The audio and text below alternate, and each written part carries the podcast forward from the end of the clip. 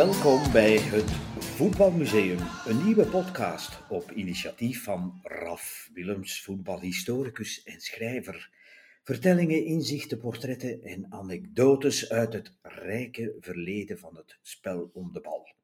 Een eerste serie hangen we op aan de 25 vedetten en ook wel anti-helden van de wereldbekergeschiedenis tussen de Olympische Spelen van Antwerpen 1920, jawel, want dat werd beschouwd als het eerste officieuze wereldbekertoernooi, en de World Cup in Qatar van 2022.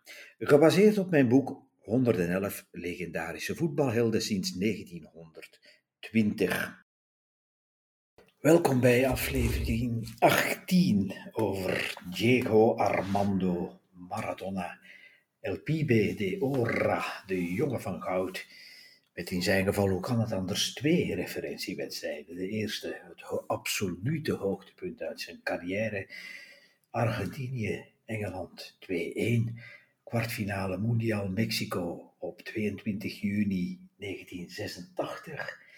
En de tweede, het einde op het hoogste podium in de finale van de Wereldbeker Mondiale in Italië.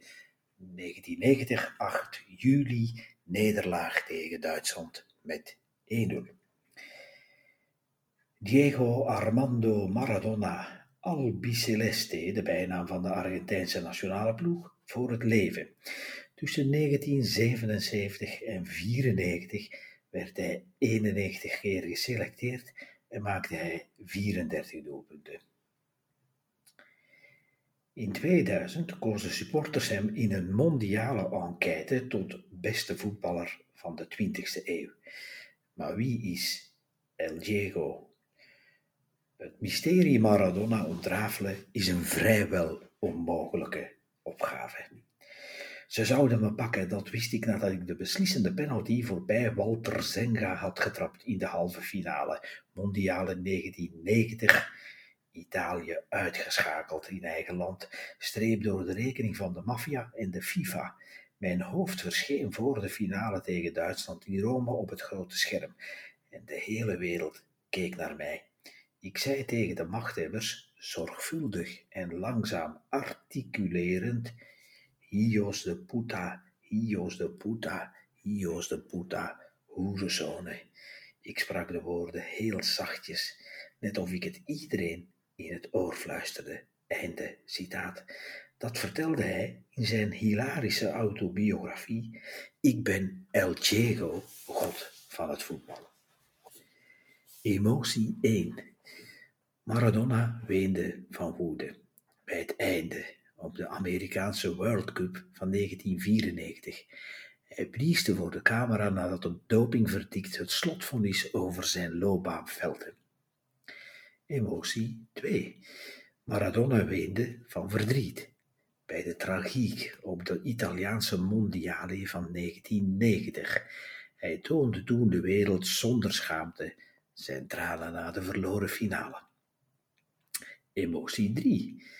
Maradona weende van vreugde deze keer bij de triomf op de Mexicaanse mondial van 1986.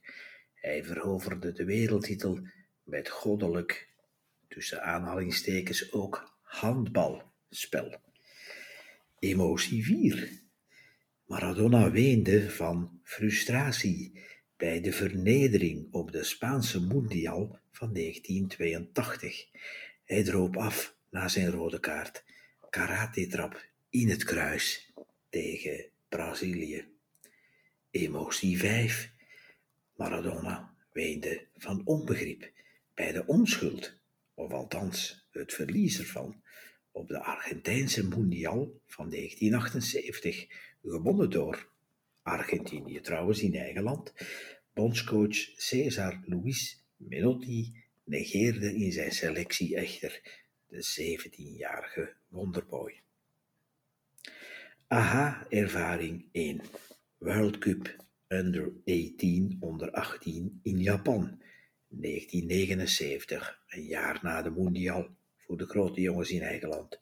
Toen was hij er dus wel bij, finale versus Sovjet-Unie 3-1. Maradona krult de bal rond het Russische muurtje en pakt goud. Aha, ervaring 2, Mondial 1982 versus België, openingswedstrijd 0-1 verlies. Stil even met de bal van de maestro tegenover vijf verbeten kijkende en afwachtende rode duivels. Aha, ervaring 3, Mondial 1986 versus Engeland 2-1 zegen. Dribbel van op eigen helft voorbij zes Engelse verdedigers en doelman Chilton. Aha, ervaring 4, Mondiale 1990 versus Brazilië. 1-0 winst in de achtste finale. Diagonale doorsteekpas na een ren van 30 meter op Claudio Cannicchia, die het enige doelpunt scoorde. En aha, ervaring 5, World Cup 1994 versus Griekenland. Millimeter doelpunt tussen lat en keeper na een acht passen combinatiedans. Zie daar de vijf verschijningen van het magische nummer 10 op de wereldbeker en natuurlijk in zijn carrière. Het magistrale doelpunt na de uitgesponnen combinatie. De buiterst precieze pas, de oneindige dribbel, het overzicht met de bal aan de voet en de vrije trap kunst. De hierboven opgesomde emoties en de aha-ervaringen behoren tot het collectieve wereldbekergeheugen. Gedurende 16 jaar hield het mannetje Maradona, afkomstig uit een van de armste sloppenwijken van Buenos Aires, bij elk WK de wereld in de bal. Emir Kusturica draaide in 2008 de cultfilm Maradona Kusturica. De controversiële cineast voerde hem op de tonen van God Save the Queen op als sekspistool van het voetbal. Hij luisterde in de zogenaamde kerk van Maradona naar de aria Ave El Diego, ontleend aan Bach, en hij besloot zijn print met La Vida Tombola, een song van de Franse zanger Manu Chao. Punk klassiek, wereldmuziek. Drie uiteenlopende genres en gevoelens, maar ze pasten El Diego allemaal als gegoten. Kusturica monteerde de dribbel tegen Engeland als goal of the century tussen spotprinten met Margaret Thatcher en de Britse koningin en met Johnny Rotta als muzikale bijsluiter. Hij componeerde Maradona als, ik citeer, een vertolker van de opstand. Hij volgde hem op de trein in het gezelschap van betogers met t-shirts Stop Bush War Criminal. Daar sprak El Diego de mensen toe en verklaarde plechtig, opende aanhalingstekens, ik verkies de Argentijnse waardigheid boven het Amerikaanse geweld. Sluit de aanhalingstekens. Ter staving liet hij tatoeages aanbrengen van Che Guevara en Fidel Castro. Bij het bezoek aan de zogenaamde kerk van Maradona, een nieuwe religie ter ere van die ene onteelbare godheid, keek Costa naar de initiatieriten, een geslaagde imitatie van de hand van God. In de match dus tegen Engeland, kwartfinale, Mexico.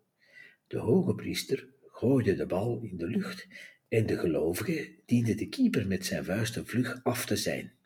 Pas dan wordt men opgenomen in de broederschap. Maradona betoogde Costa Rica openlijk zijn spijt over zijn drugsverleden. hij zette zichzelf weg als een idioot, omdat hij zijn dochter onvoldoende heeft opgevoed. Dat lag voor hem in de lijn van zijn persoonlijkheid. I was born into football. I played games of light and darkness, zei hij zelf. De Franse protestzanger Manu Chao nam het slotakkoord van het docudrama van Costa voor zijn rekening. In een akoestische act voerde hij zijn bewondering op met de weerkerende zin: Mocht ik Maradona zijn, ik zou leven zoals hij. De dikhuidige Diego luisterde diep ontroerd. Geen stad ter wereld telt meer psychiaters dan Buenos Aires.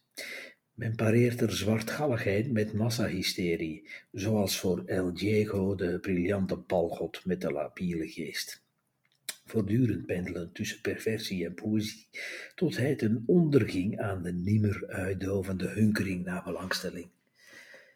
Zijn landgenoten overstelpten hem met verstikkende aandacht.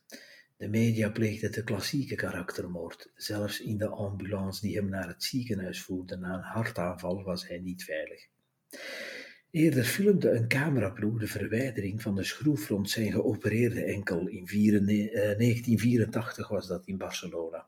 Overhaalde een televisiestation een CIA-controleur, jawel, tot een test met een leugendetector om te bewijzen, tussen aanhalingstekens, dat hij de vader was van een buitenechtelijk kind in 87 in Napels.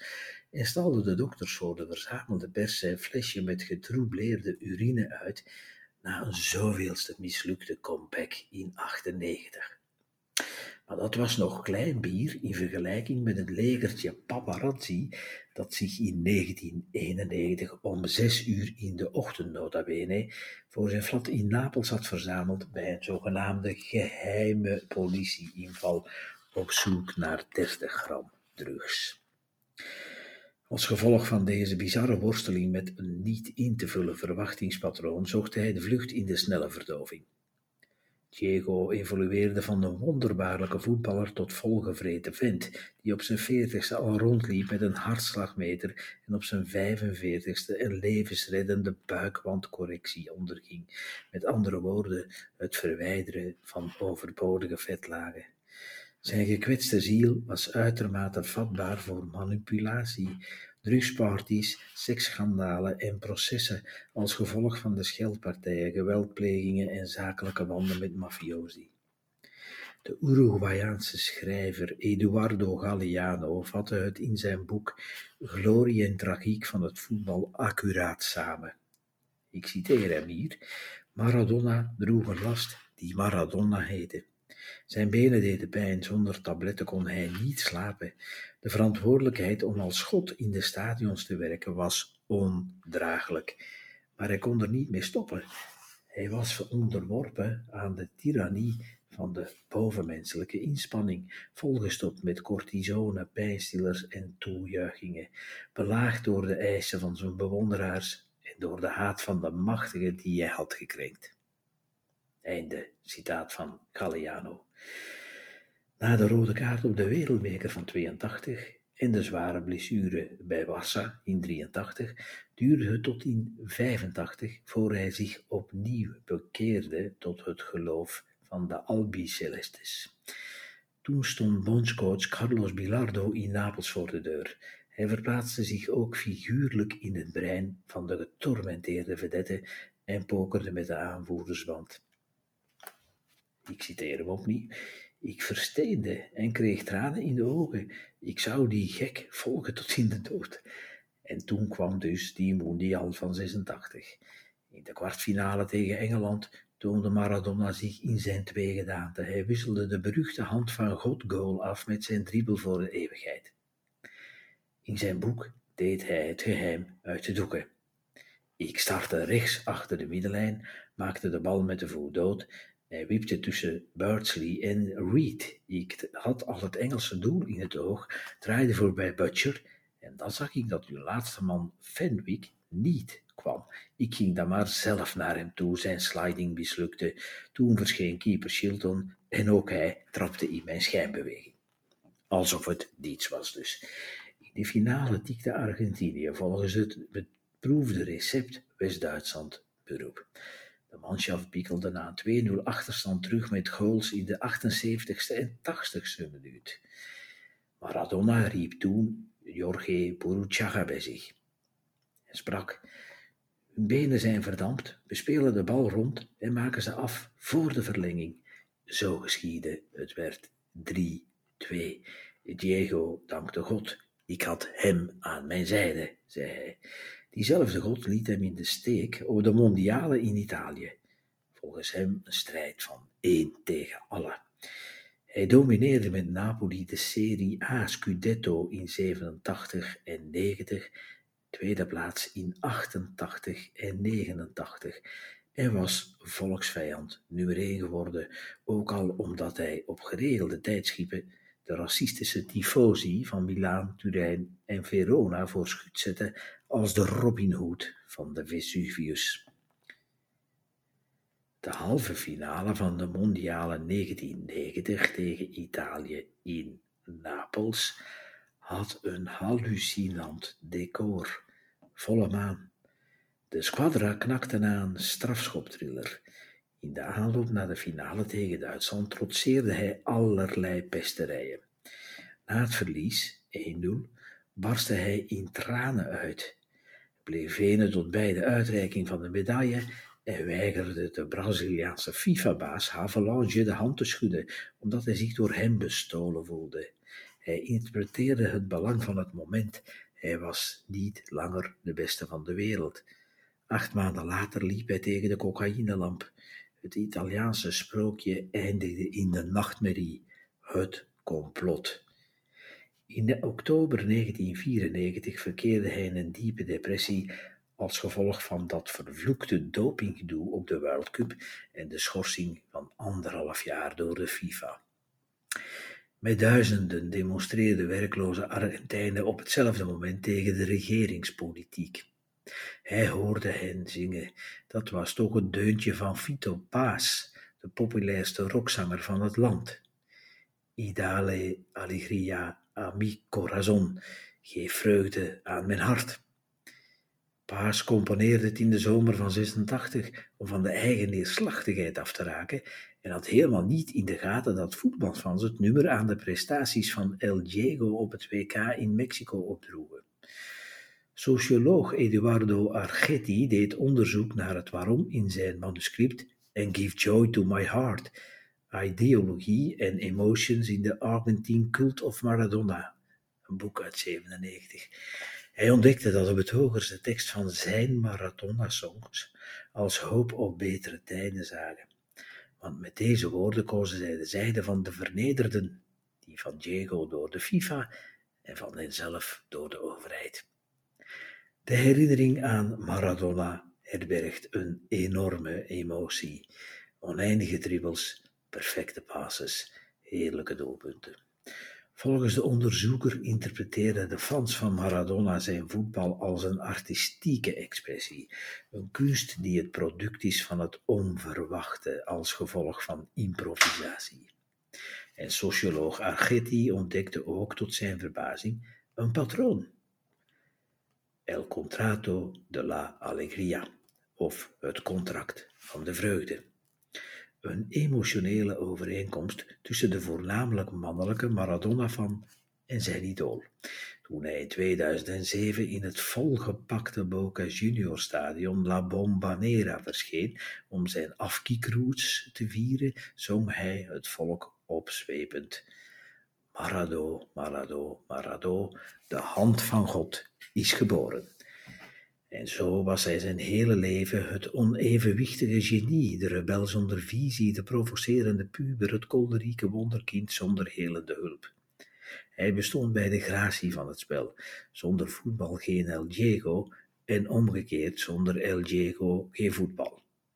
In het grote verhalenboek van het wereldvoetbal neemt hij een unieke positie in. Hij heerste op een aparte manier over de harde jaren tachtig. Alle romantiek zijpelde uit het spel weg. Hij koesterde tegen de maatschappelijke trends in de excentrieke en fantasierijke dribbel.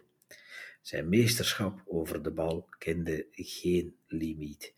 Tegelijk speelde hij de baas over het elftal en dat was uitzonderlijk voor een dribbelaar van zijn allure. Na de wedstrijd tegen Nigeria World Cup 1994 2 winst, wuifde hij naar het publiek gaf televisie-interviews op het veld en wandelde hand in hand met de verpleegster van de dopingcontrole naar de kleedkamer. Zie daar zijn laatste ogenblik op een wereldbeker, op die wijze vastgelegd in de Arte-documentaire El de Ora, de jongen van goud. Nadien beweerde hij wel aan de drugs te hebben gezeten, maar nooit doping te hebben gebruikt. El Diego, wie was hij? Het ministerie Maradona is ondoorgrondelijk gebleven, zelfs na zijn onverwachte, alhoewel toch lang aangekondigde chroniek van bijna zijn onverwachte dood op zijn zestigste levensjaar in 2020. Diego Armando Maradona. kampioen met Boca Juniors in Argentinië 1981, bekerwinnaar met Barça, Barcelona in 83, kampioen van Italië in, met Napoli in 87 en 90, beker van Italië 87, UEFA Cup in 88, 91 Interlands met Argentinië, wereldkampioen 86, verloren finale 90. Zuid-Amerikaans voetballer van het jaar in 79 en 80 en mocht de Ballon d'Or dus op wereldschaal worden uitgereikt destijds, zoals het vandaag is, maar wat niet was, dan had hij hem gewonnen in 86 en 1990, de zogenaamde Ballon d'Or alternatieven dus. Diego Maradona werd geboren op 30 oktober 1960 en overleed op 25 november 2020. En dit was aflevering 18.